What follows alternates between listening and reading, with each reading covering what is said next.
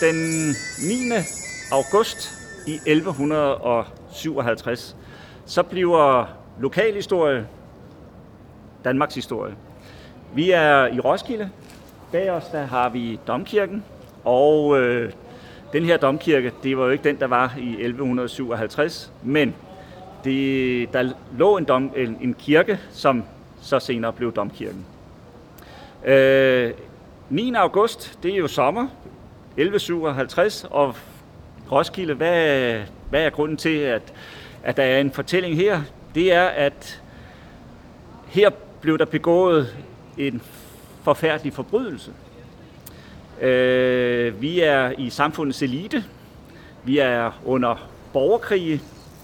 Der er borgerkrig mellem forskellige stormandspartier og kongeslægter, og øh, alle konkurrerer om at få den endelige magt i Danmark. De begivenheder, der udspiller sig lige inden for 100-200 meter herfra, de øh, er skældsættende. Der ligger døde og sårede efter begivenheden, og øh, efter begivenheden var Danmark øh, og lokalt magten i Roskilde totalt forandret, øh, forskudt, og i løbet af efteråret 1157, hvor der tidligere har været tre kongsemner, der var der så kun et tilbage, og begivenheden, som vi skal tale om, hedder Blodgildet i Roskilde. Baggrunden ganske kort øh, er, at øh, der er tre kongsemner. En Svend, som øh, får tilnavnet Grate, en Knud og en Valdemar. Disse tre personer, de øh, bejler alle til den danske kongemagt og ønsker den, og ønsker den så, lad os sige, inderligt, at de vil begå nedrige gerninger for at få opfyldt deres ønsker om at opnå den her kongemagt. Begivenheden øh, har et forspil. Der har været borgerkrig i Danmark med jævne mellemrum, kan man sige, fra 1131, øh, første omgang til 34, og igen i 40'erne, og så i løbet af 1150'erne. Det kulminerer så her den 9. august 1157 i Kongsgården, som ligger nogle få hundrede meter herfra, eller lå øh, nogle få hundrede meter herfra, knytter sig an til øh, domkirken og også til bispegården, som vi vil kigge lidt nærmere på senere. Begivenheden i sin korthed går ud på, at øh, Svend, som er en af de tre, han begår en nidrig gerning. Og øh, baggrunden er, at man øh, er samlet, og man nu skal fejre, at øh, man er nået til enighed om at dele det danske rige i tre dele. Svend øh, udlægges i den historie, som jeg vil øh, skitsere ganske kort nu her, øh, som den store skurk. Øh, historisk set at han blev udlagt sådan, og det bygger på det, der hedder en tendentiøs kilde, og at sejrherrerne skriver historien. Fordi det var ikke Svend, der bagefter øh, var sejrherre, og derfor så har han fået sig et rigtig elendigt eftermæle. Men historisk set er det måske ikke ham, der er skurken. Det vil vi kunne diskutere på et andet tidspunkt og vende tilbage til. Øh, man er blevet enige om at dele kongemagten, og det skal fejres med en stor fest. Knud, som er en af de tre, har fået tildelt Sjælland og dermed også Roskilde som sit område. Han inviterer til en fest i Kongsgården, og man mødes og øh, skal så egentlig fejre de her ting. Øh, Knud er altså verden. Svend er en af, af hvad hedder de, de tre, og den tredje er en Valdemar. Og øh, man kan sige, som udgangspunkt, så er, er, er der enighed om, at øh, nu skal denne her magt deles, og øh, det skal jo så fejres. Øh, I løbet af denne her fest, som vi kender specielt fra Saxo, som er Absalons og Hvideslægtens øh, kronikør, og som støttede Valdemars parti, så øh, er det sådan, at øh, man mødes i den her enighed, til synlædende i hvert fald, øh, hygger sig i, i nogle dage, og øh, i løbet af de her dage, jamen der udlægges Svend øh, ved nogle skjalle og andre som værende en, en skidt fyr, men det tager han med godt humør, fordi alkoholen har gjort sin virkning, og den gode mad har gjort sin virkning, og man er jo enige om, at det her det skal blive en god fest. Men alligevel, i løbet af de her dage, man er sammen, øh, op til den 9. august her i 1157, jamen så er der nogen, der spiller dobbeltspil. Og Knud er intet anende om, hvad der foregår. Valdemar til synlædende lige så lidt øh, oplyst. Men Svend har, har, lad os sige, en dobbelt dagsorden. Den ene dagsorden er altså at mødes med de andre, dele riget og ellers være tilfreds med det. En anden dagsorden er, at med, mål, med vold og med, med våben, at øh, egentlig eliminere de to andre øh, tronprædikanter. Øh, det er så, øh, hvad hedder det, Valdemar og Knud. Og øh, projektet går ud på, at man i løbet af, af den her fest, så øh, siger Saxo, og vi har kilden primært fra Saxo, så øh, øh, slukkes lyset Enten så er det, at lyset slukkes, altså de her kærter og andet, der er, det slukkes forud for den gerning, der sker, eller det sker i forbindelse med gerningen. Det kan man jo diskutere øh, for og imod. Nogle mener, at øh, Svend han har bevæbnet folk, øh, gemt i, i øh, området lige uden for Kongsgården, og på et særligt tegn, så øh, trænger de ind, hvorefter lysene slukkes.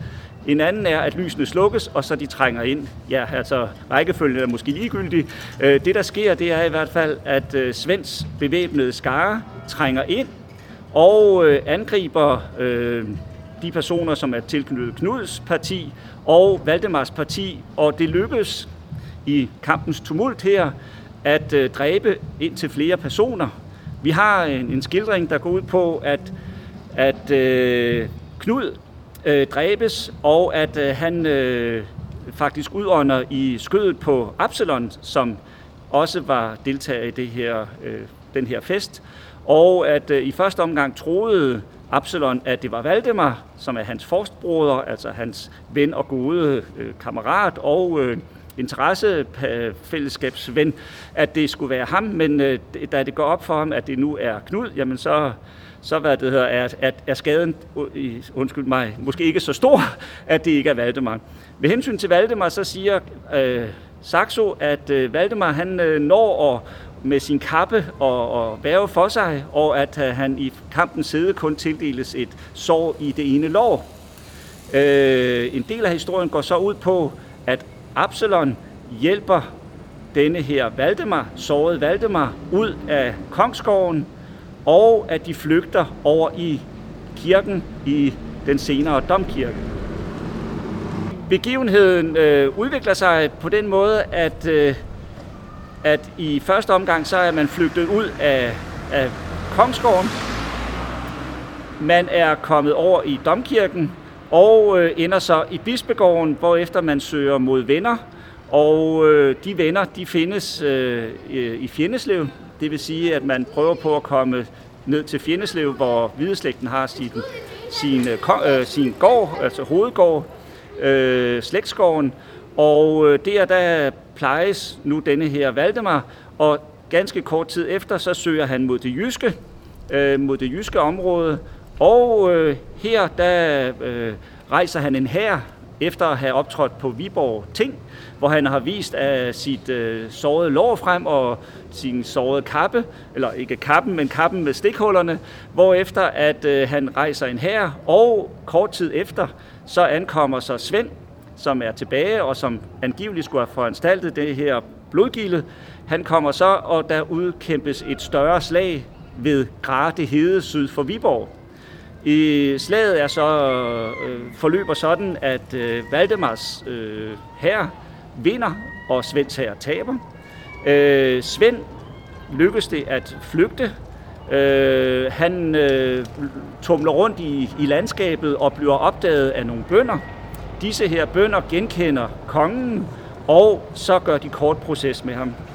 Hvorefter at Valdemar er den eneste tilbageværende af de tre, han er nu, hvad det hedder, en, en, en, en ene konge øh, gør sig selv til ene konge, lader sig krone øh, på de forskellige ting, og øh, afslutter så borgerkrigen. Og blodgildet og de efterfølgende begivenheder i, øh, på Grate Hede fører frem til det, vi kalder Valdemarernes storhedstid, og er en genrejsnings- og meget stærk periode i dansk historie, hvor danske interesser når Østersøen rundt, og hvor kongemagt og kirkemagt i form af Absalon specielt øh, er i alliance, og hvor, hvor de forskellige interesser balanceres, og hvor Danmark sætter aftryk ikke bare lokalt, men også regionalt. Valdemarernes storhedstid er perioden fra 1157 og ind til 1241, hvor den tredje af de store konger, for man taler om Valdemar den Store, Knud den 6. og så Valdemar Sejr, øh, han dør i 1241. I 1241 så starter balladen forfra. Yes. De eksakte begivenheder om, knyttet til blodgild i Roskilde, altså den direkte lokation, hvor skete det, er lidt usikkert, da der er ingen af de bygninger, som øh, indgik i komplottet, hvis det var et komplot, øh, stadig findes. Det vi har tilbage, det er domkirken, Kongsgården og Bispegården er for længst borte. Det vi står og foran nu her, er det sted, hvor man mener, at Kongsgården har ligget. I dag er, er det øh, katedralskolens øh, rektorbolig. Øh, hvis man engang kommer til at kunne grave under den her bygning, vil man måske kunne finde spor af Kongsgården. Den Kongsgård, hvor blodgivet lidt ifølge Saxo foregik, og hvor Svend foranstaltede et skændigt mor på Knud og skadede Absalon. Efter de famøse begivenheder i Kongsgården, så flygter Valdemar, hjulpet Absalon, i det at Valdemar han er såret, flygter de ud af Kongsgården. Vi øh, ved, at det foregik om aftenen, øh, så det var ude i mørket. Og øh, Absalon hjælper så Valdemar igennem kirken, Svend Normans øh, Frødstens kirke, som på det her tidspunkt har stået her. Og øh, ud af kirken, øh, ikke igennem buen, som vi kan se bag os, som hedder Absalons buen. Den var nemlig ikke bygget, men øh, en eller anden form for, for gennemgang mellem domkirken og den øh, bispegård, som så lå umiddelbart i forlængelse af kirken. Øh, begivenheden her knytter sig jo til buen, men buen er et senere bygningsværk og tilskrives Absalon. Absalon har ikke bygget voldsomt meget på Roskilde Domkirke, men har været medvirkende til at øh, bygge dele af koret, som I kan se bag os, som er en del af kirken, men ikke en del af buen. Og buen har efter øh, 1200 hvor den er blevet bygget, øh, forbundet domkirkens kor og så øh, bispegården, men øh, er ikke knyttet til selve begivenheden 1157. Vi så for et øjeblik siden øh, bispebuen, Absalonsbuen, hvor øh, Absalon ikke transporterede, gik sammen med Valdemar efter at være udsat for attentatet fra svensk side. Men det er de minder, der er i dag, det er de levende, der er tilbage. Og efter at udåden var sket, så flygter de i første omgang ud af Kongsgården over i kirken, som var en frødstenskirke, og frødsten, det kan vi nemlig se på Absalon, den såkaldte Absalonsbue, hvad frødsten er. Det var ikke bagte sten eller brændte sten, altså munkesten, som kirken ellers står med i dag. Øh, og så flygter man øh, over i Bispegården, og Bispegården ligger, som I kan se, i forlængelse af Absalonsbuen. Øh, det gule byggeri her er i dag et museum, Museet for Samtidskunst i Roskilde.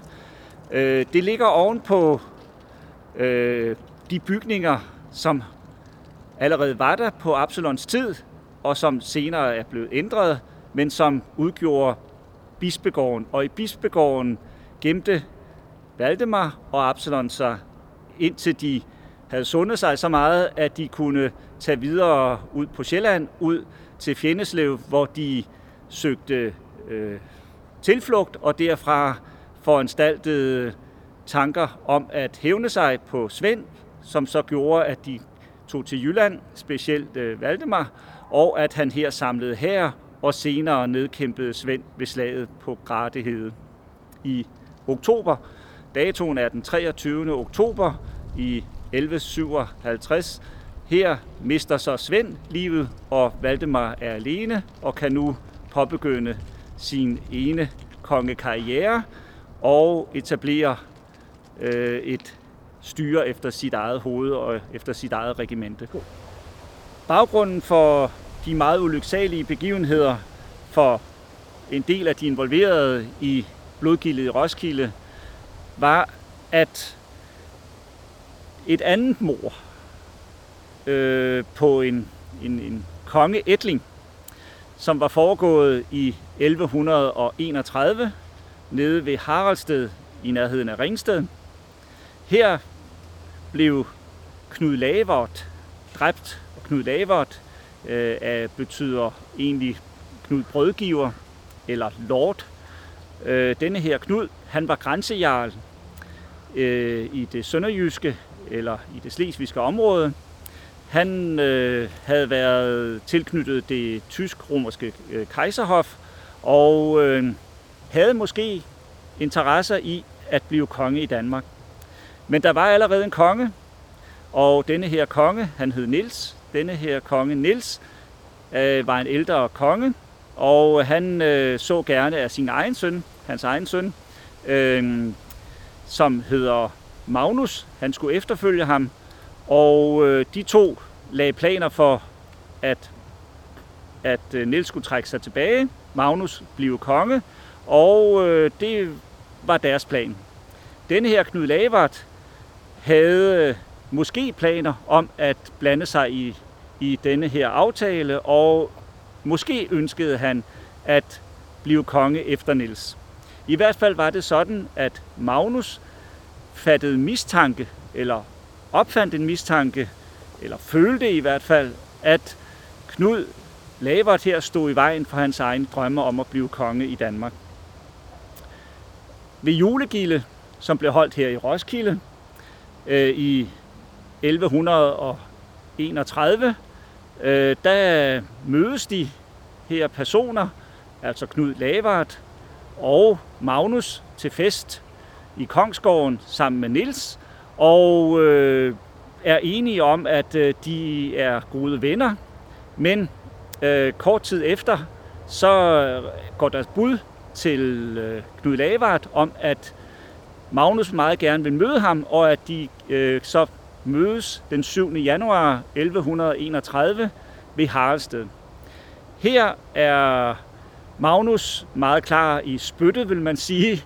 Han øh, siger til Knud, du øh, efterstræber min fars trone, og øh, det ønsker jeg ikke, du skal. Øh, Knud bedyrer, at det har han ingen interesse i, og har, det har aldrig været hans tanke. Men Magnus, han lader sig ikke bet, øh, bet, øh, lad os sige, øh, lader sig ikke øh, ligesom be, be, besnakke. Han vil handle, og det han gør, det er, at han tager et svær frem og kløver øh, Knuds øh, hovedskal, sådan at Knud han øh, dør.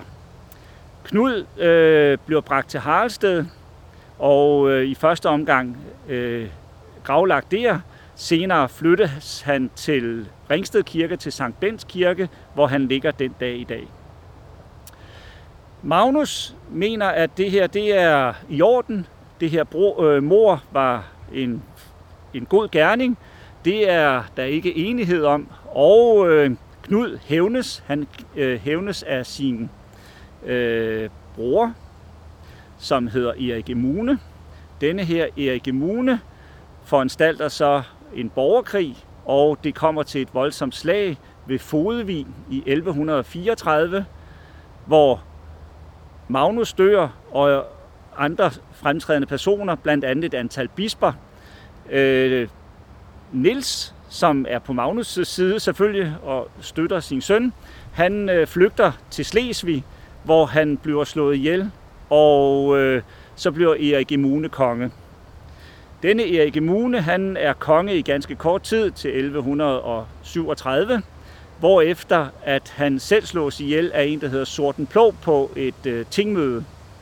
Herefter er der en person, der hedder Erik Lam, som så er konge. Denne Erik Lam er konge i en 10-års periode fra 1137 og ind i 40'erne. Øh, så vidt jeg husker, går han så i munkekloster, og så starter balladen en gang til. Hvorefter at vi får en langstrakt borgerkrig i 1140'erne og op i 1150'erne. For at forstå, at der er flere kongsemner til, til den danske sådan, trone, så må vi gribe tilbage til øh, den sidste vikingekonge, eller angiveligt sidste vikingekonge, vi har, øh, Svend Estridsen, den danske konge Svend Estridsen, som er konge i Danmark i en længere periode fra 1047 til 1074. Han øh, vinder den danske trone og øh, kæmper mange drabelige slag. Øh, han er ikke altid heldig, men øh, forbliver konge indtil sin død i 1074. Efter ham er der fem af hans sønner, der bliver konger. Og den sidste af disse konger er den konge, der er omtalt tidligere, denne her kong Nils, med sønnen Magnus. Og øh, denne her Nils er altså øh, konge, og øh, da der har været fem andre, så er der, lad os sige, kluder i regnskabet, fordi der er flere, der gør krav på at efterfølge Nils. En af dem er måske Knud Lavard. I hvert fald udlægges han som værende af Magnus og Nils øh, en slags tronraner. Øh, når vi kommer længere frem i historien, til den borgerkrig, der følger i 1140'erne og ind i 50'erne, så er det tre forskellige personer, som er de centrale aktører. Det er Knud Lavards søn, som hedder Valdemar, senere Valdemar den Store. Det er Knud, som er søn af Magnus. Magnus, der dræbte Knud Lavard i 1131. Og det er Svend, Svend Grate. De tre centrale personer i øh, borgerkrigen i 1140'erne og ind i 50'erne er Svend, Knud og Valdemar. Og hvordan hører de sammen i forhold til den historie, vi har talt om tidligere? Hvordan er relationerne?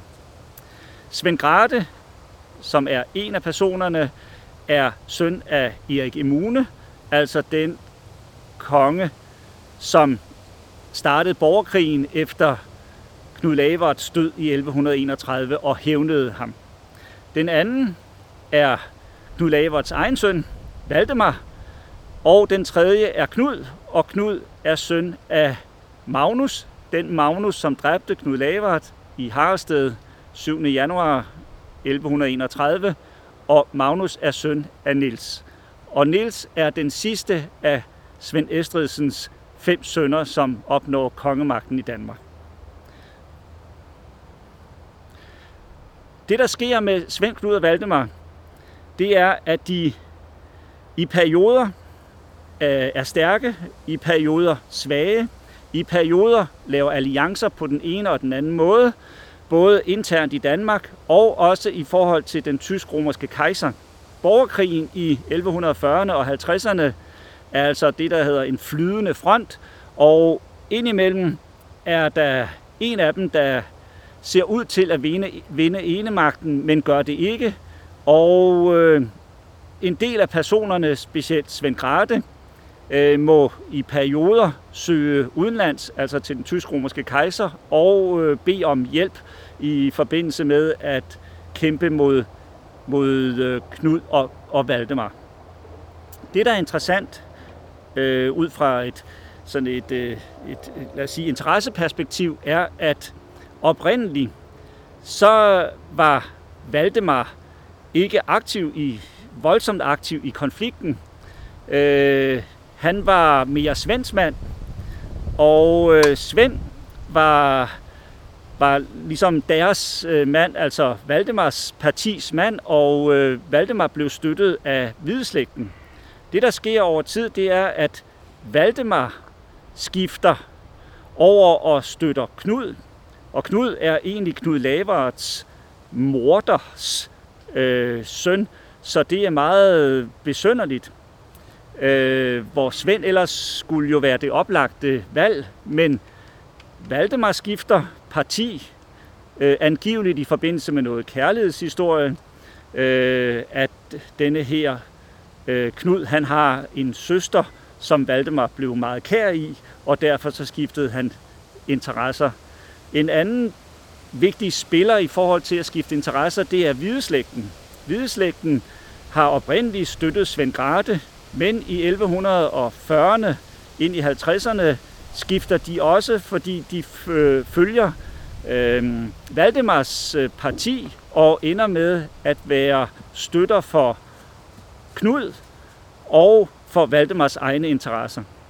Fra at øh, der har været en stærk interesse mellem hvideslægten og så Svend Grate, så bliver det sådan i sidste del af konflikten op imod selve blodgildet i 1157, at Valdemar og Knud har en alliance, og denne alliance støttes af hvideslægten.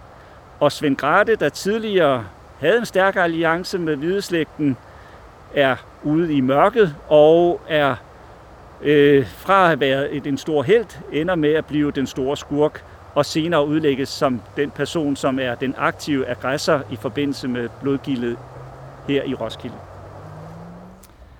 I forbindelse med borgerkrigene i 1140'erne og 1150'erne, så øh, er det jo interessant, at blodgildet foregik i Roskilde, og at øh, det var Knud, der inviterede til blodgildet, eller til lagde hus til blodgildet, inviteret inviteret, men øh, at man øh, mødtes i Roskilde, og efter aftalen, som kom i stand ved, at stormændene i Danmark var meget, meget trætte af den her borgerkrig og ønskede en eller anden form for forlig, så indgik de tre hovedpersoner, Svend, Knud og Valdemar, det her forlig og aftalte at mødes i Roskilde. Som udgangspunkt så var Roskilde Sjælland Knuds område, og Knud var så vært. Øh, tidligere i borgerkrigen, så havde Svend været den, der var den dominerende på Sjælland, og Svend havde i forbindelse med borgerkrigen øh, lavet forskellige foranstaltninger, befæstninger. Blandt andet havde han bygget en vold og grav rundt om Roskilde, Roskilde Centrum, Roskilde By. Og her, der kan vi se, hvis vi kan se, forestiller os måske at øh, der har været en vold, og det er de historiske, autentiske dele af volden, der er tilbage. Øh, udgravet af Roskilde Museum i 1970'erne, 80'erne, og øh, her byggede Svend en form for palisade, og øh, under den her palisade var sat en vold, og foran volden var der en voldgrav, altså en vold- og grav øh, palisade fæstning som øh, byens øh, ydergrænse. Denne her øh, vold er altså fundet arkeologisk, og vi står her ved den. Det, der er interessant, det er, at Svend blev jo udlagt som den store skurk, den store aggressor, den, øh, den der foranstaltede blodgildet. Men det var Knud, der var vært, og øh, der skulle måske, man skulle måske overveje at omskrive den historie, som vi kender, som vi kender specielt fra Saxo, at Svend var den aggressive, og Knud var den var, var offeret, og at Valdemar også var offer. Øh, historisk set er det måske en anden historie, der skal fortælles. Blodgildet i Roskilde den 9. august 1157 er gået over historien som værende et fantastisk, øh, en fantastisk begivenhed, som øh, børn i gamle dage øh, lærte om i deres historieundervisning. I dag er det ikke så tit, at historien øh, gentages. Men historien findes, historien er interessant, og det er lokalhistorie, hvis man er fra Roskilde, og samtidig er det Danmarks historie fra dansk middelalder. Historikerne er enige om, at der har været et blodgilde. Øh, den primære kilde er Saxo, som i sin øh, krønike, Danmarks krøniken, Danernes Gerninger, beskriver begivenhedsforløbet meget ensidigt, men samtidig meget intenst. I den version så er skurken Svend, Knud bliver slået ihjel, og Valdemar såres, og senere er der det store slag, hvor Svend og Valdemar kæmper på Grate Hede, og hvor Svend efterfølgende bliver slået ihjel, og Valdemar kan indlede sin, øh, sit ene kongedømme. Kilden er her Absalon, og øh, det er sejrherrene, der skriver historien, så selvfølgelig var Svend skurken. Senere i, i historien har denne her historieudlægning øh, stået mere eller mindre uimodsagt, men i nyere tid har en række historikere anfægtet, gået ind i nogle interesse, magt- og interesseanalyser og kigget på begivenheden en gang til. Og en del af dem mener, at det er den forkerte, øh, lad os sige, voldsmand, vi har med at gøre. Den udlagte mand, altså Svend, er måske ikke den person, som foranstaltede blodgildet. Tværtimod så mener man, at det kunne være Valdemar selv, eller Valdemar i alliance med Knud, som skulle øh, have foranstaltet de her ting. Øh, ikke at, øh, at Valdemar han forudså, at, at øh, Knud han skulle slås ihjel, øh, men at det var Svend, der skulle slås ihjel, og ikke Svend, der skulle slå, ønskede at slå de andre ihjel. Øh, de historikere, som man kan tage fat i, er for eksempel Michael Kremmer, som har skrevet en meget glimrende bog, der hedder Den Hvide Klan om hvideslægten og om Absalon, en slags biografisk bog. Øh, heri er han ude i at øh, sige, jamen der er den grundfortællingen, som vi kender fra Saxo, men man kunne også lave en, det, der hedder en sådan mere eller mindre kontrafaktisk tilgang. Man kunne jo se tingene fra Svends side, og så er det et helt andet scenarie, der opruller sig, øh, øh, viser sig for, for os. Øh, man kunne også tage Rikke Agnete Olsen, som øh, har skrevet, at øh, hun mener, at øh, den historie, vi kender, det er et justitsmord, at Svend faktisk er et offer for et komplot, og komplottet er udtænkt af hvideslægten, måske Absalon, og ikke mindst af Abs- øh, Absalons ven og forstbroder Valdemar selv. Hvad der reelt skete den 9 august i 1157, ved vi ikke. Vi ved, at der skete noget, og at efterfølgende ved vi, at virkningshistorien blev, at Valdemar blev enekonge, og at det var begyndelsen på det såkaldte den, det såkaldte gyldne århundrede, Valdemarernes storhedstid, som var fra 1157 til 1241.